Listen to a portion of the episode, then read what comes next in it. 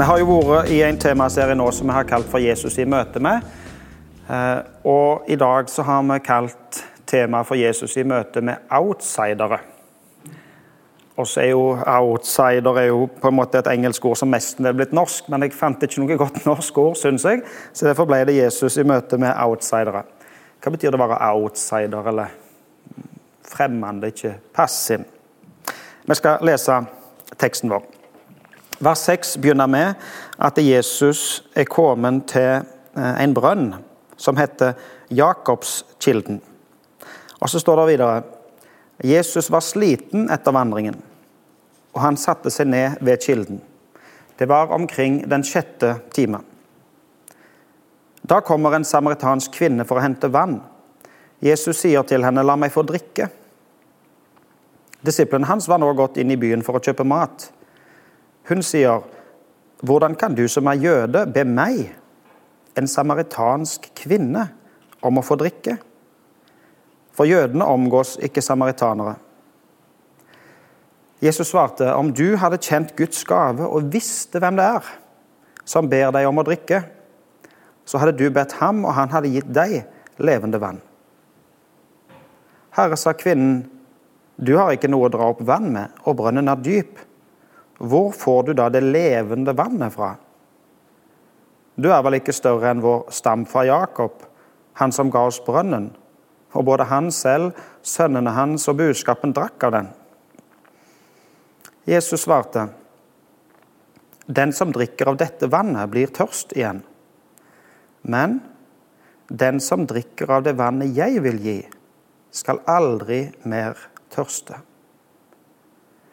For det vannet jeg vil gi, blir i ham en kilde med vann, som veller fram og gir evig liv.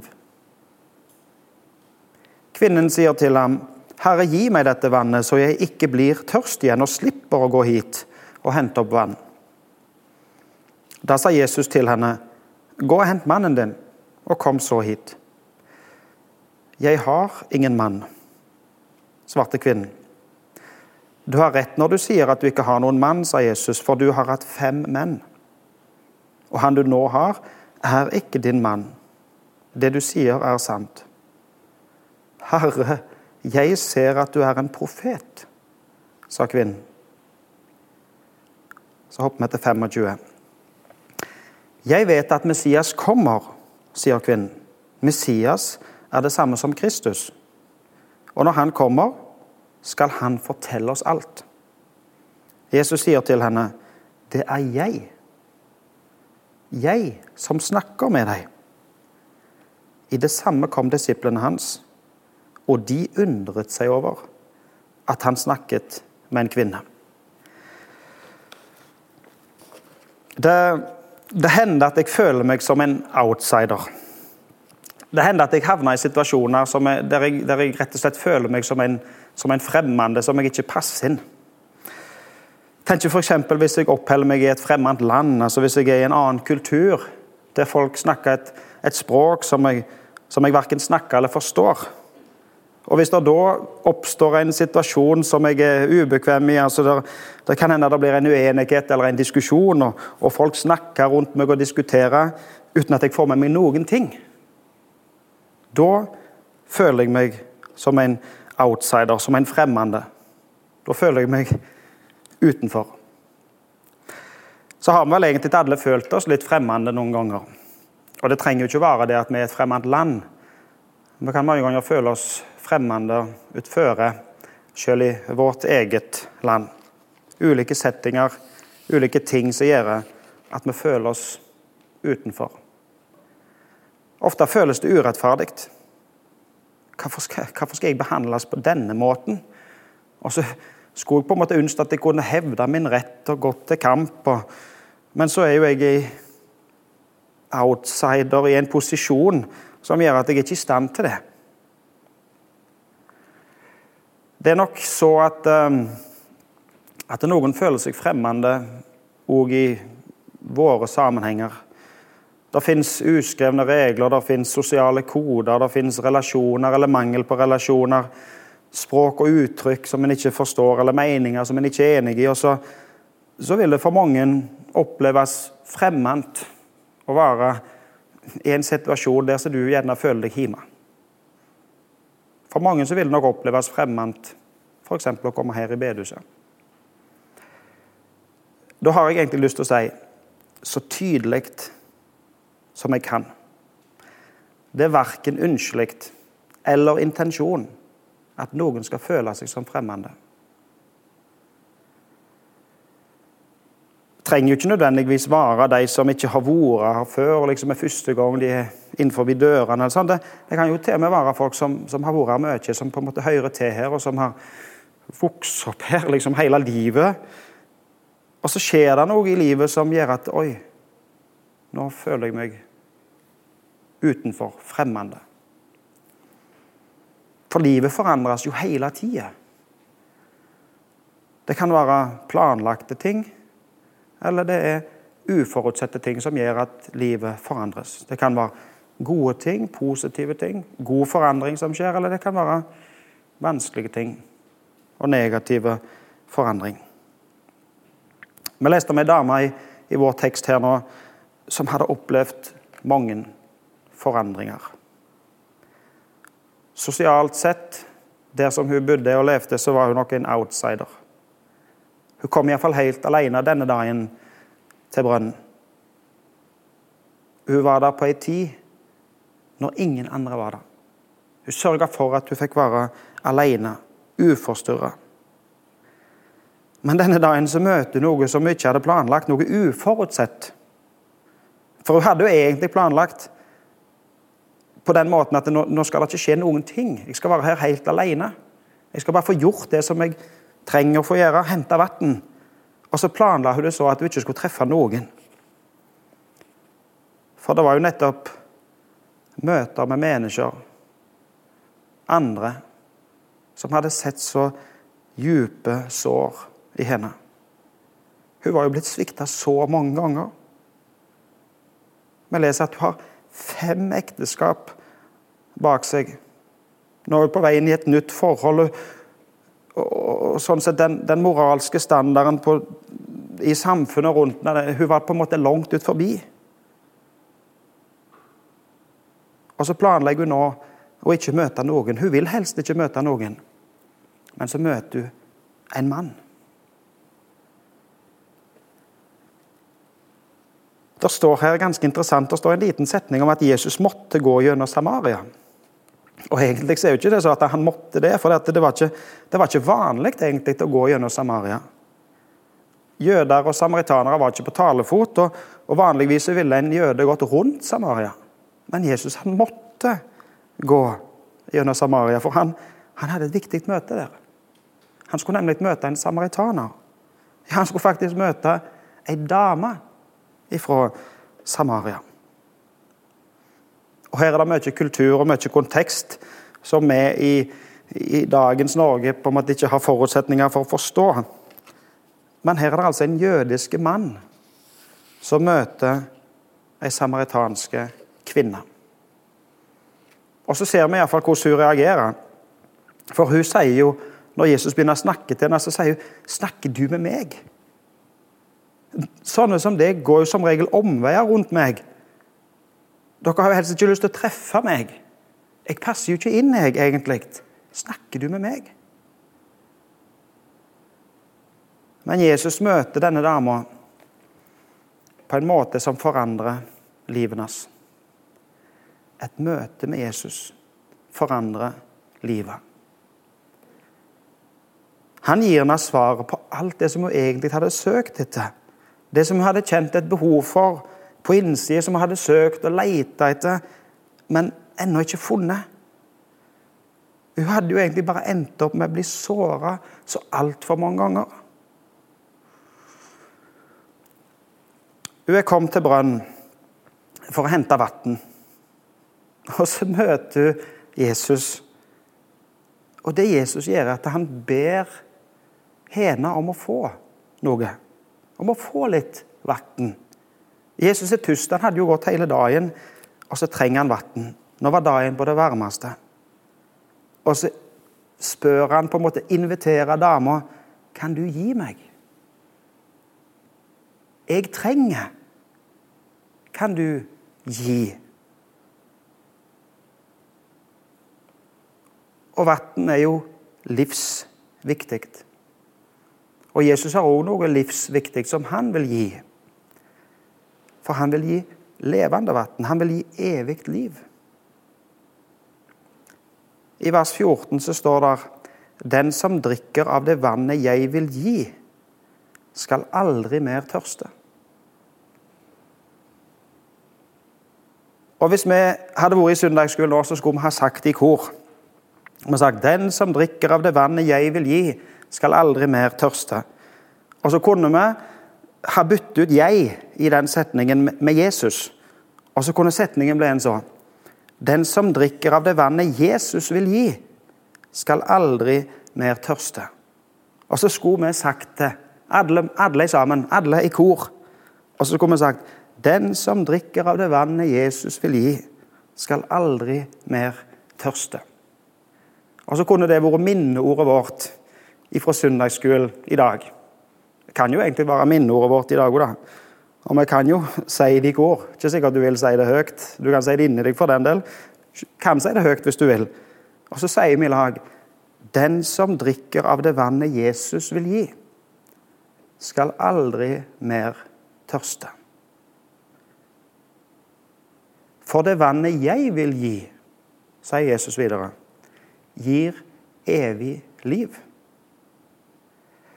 Det at Jesus snakker om vann og bruker vann som en metafor, som et bilde, det er ikke noe uvanlig for, for, den, for, for denne dama. Tenk i den kulturen der det var varmere og torrere og hva skal jeg si, de, de, de, de hadde ikke den tilgangen på vann som vi har i dag. Så var på en måte vann enda viktigere. Det er jo like viktig for oss, for all del, men det var livsviktig å få tak i vann. Og det hadde Gud brukt når han samtalte med folket sitt gjennom hele deres historie.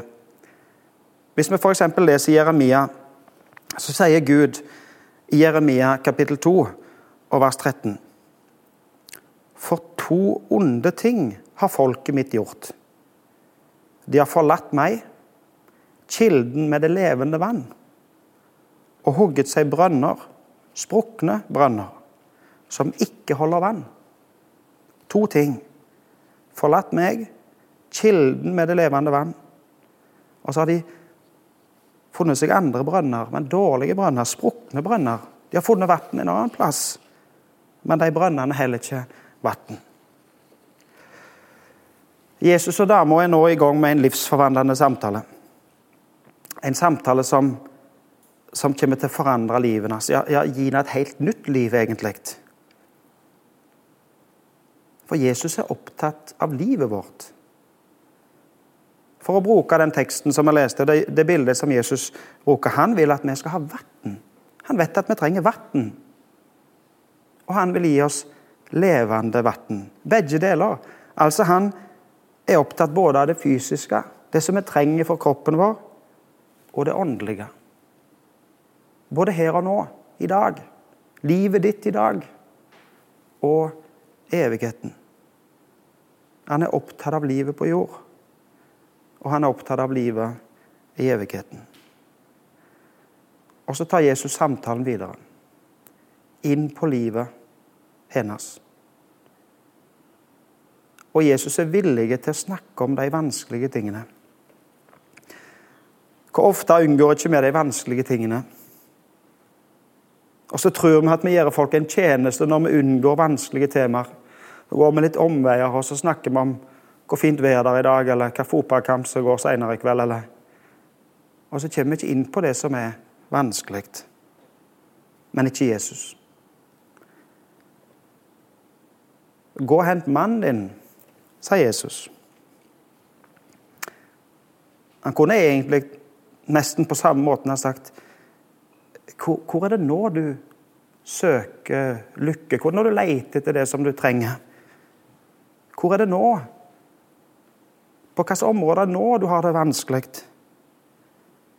Hva er det nå som er utfordrende i livet ditt? Og så åpner denne dama seg for, for Jesus. På det området som er det vanskeligste for henne i livet akkurat nå.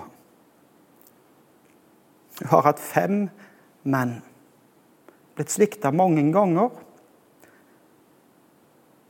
Nå er hun på vei inn i et nytt forhold, og hun, står egentlig der og sier livet mitt er vanskelig. Jeg får det ikke til, jeg fikser det ikke. Det går gale om igjen og om igjen. Og så står hun der i møte med Guds sønn. Han som, han som gav de ti bud til, til stamfedrene hennes. En utrolig viktig del av historien for folkenes. Hun kunne dette utenat. Hun kunne alle de ti bud. Du skal ikke andre guder enn meg. Du skal ikke lyge, du skal ikke stjele, du skal ikke slå i hjel. Du skal ikke bryte ekteskapet. Og nå står hun ansikt til ansikt med han som gav de budene. Står ansikt til ansikt med den hellige, med Gud. Å håndheve loven i denne situasjonen ville gitt dramatiske konsekvenser. Og nå når hun har åpna seg for Jesus, når hun nå har sett ord på det vanskelige, når hun på en måte har bekjent for Jesus, så kommer ikke Jesus med anklager. Jesus kommer ikke nå og sier men nå må du fikse livet ditt. Nå må du ordne opp.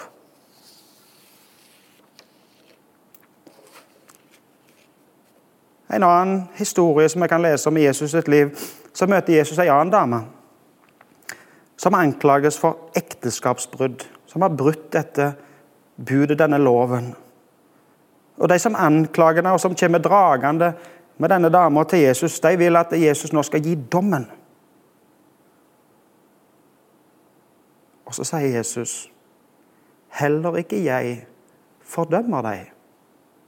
Gå bort og synd ikke mer. Jesus vil gi noe annet enn fordømmelse. Hun vet jo, hun som står der med brønnen, hun vet jo sjøl hva, hva, loven sier. Hun vet jo sjøl hva som er problemet. Og løsningen er ikke at hun skal ta seg sammen. Løsningen er ikke leksjoner i, i moral eller forskrifter eller, eller læresetninger, men løsningen er faktisk en person. Jeg er Messias, sier Jesus. Han er frelseren. Jesus er løsningen. Jesus er det levende vannet. Jesus er den som kan tilfredsstille hennes djupeste behov.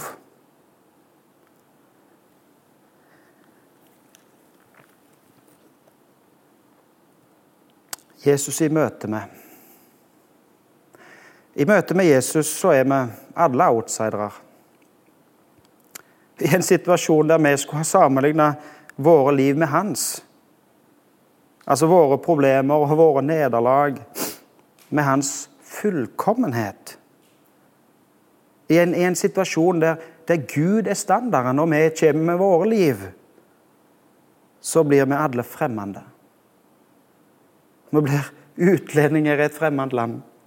Vi blir outsidere, alle mann.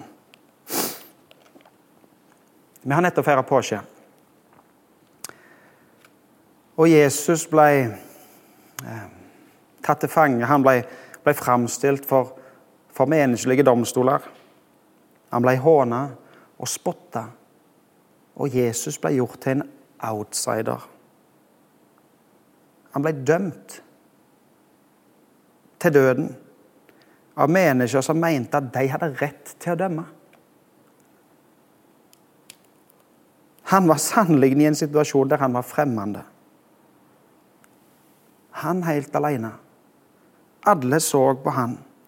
Alle pekte på han med fordømmelse og med hat. Og så dømte de han til døden. Og Jesus tok imot. Ingen tar mitt liv, sa Jesus. Jeg gir det frivillig. Jesus gav livet sitt. Han ble gjort Han ble gjort til en outsider for at du skal bli en insider. Jesus ble fremmende for å invitere deg inn. Vi klarer ikke med våre krefter og, og, og, når vi tar oss sammen og klatrer opp til hans standard. Men han kom ned til oss. Og så ble han gjort til en av oss. Og han tok på seg alle våre problemer, mangler, nederlag. Og når han kom ned til oss, så reiste han oss opp. Og nå inviterer Jesus oss inn til seg. Det finnes ingen outsidere i Guds rike. Det er ingen fremmede, ikke han. Det er bare venner. Det er ingen der som er bedre enn andre, for alle er helt likestilt. Det er ingen fordømmelse, men bare nåde, tilgivelse, frelse og evig liv. Skal vi be. Kjære Jesus. Takk for at du inviterer oss inn til deg. Takk for at du gir oss livet. Takk for at du har skapt oss. Takk for at du gir oss det vi trenger for våre daglige behov. Takk òg for at du gir oss levende vann, evig liv. Og Jesus, så ber jeg om at du må nå inn til oss med dette livgivende vannet som du har til oss. Må du røre med oss. Må du bli i oss. At vi får eie deg og være i lag med deg. Og Jesus har jeg lyst til å be spesielt i dag for, for de vi kjenner som, som har det vanskelig. Som kjenner på utfordringer og sykdom og isolasjon på mange måter. Må du være spesielt nær. Må vi få lov å kjenne på fellesskap, selv om vi ikke kan være så fysisk nær hverandre som vi vanligvis er. Jeg har lyst til å legge søndagen videre i dine hender.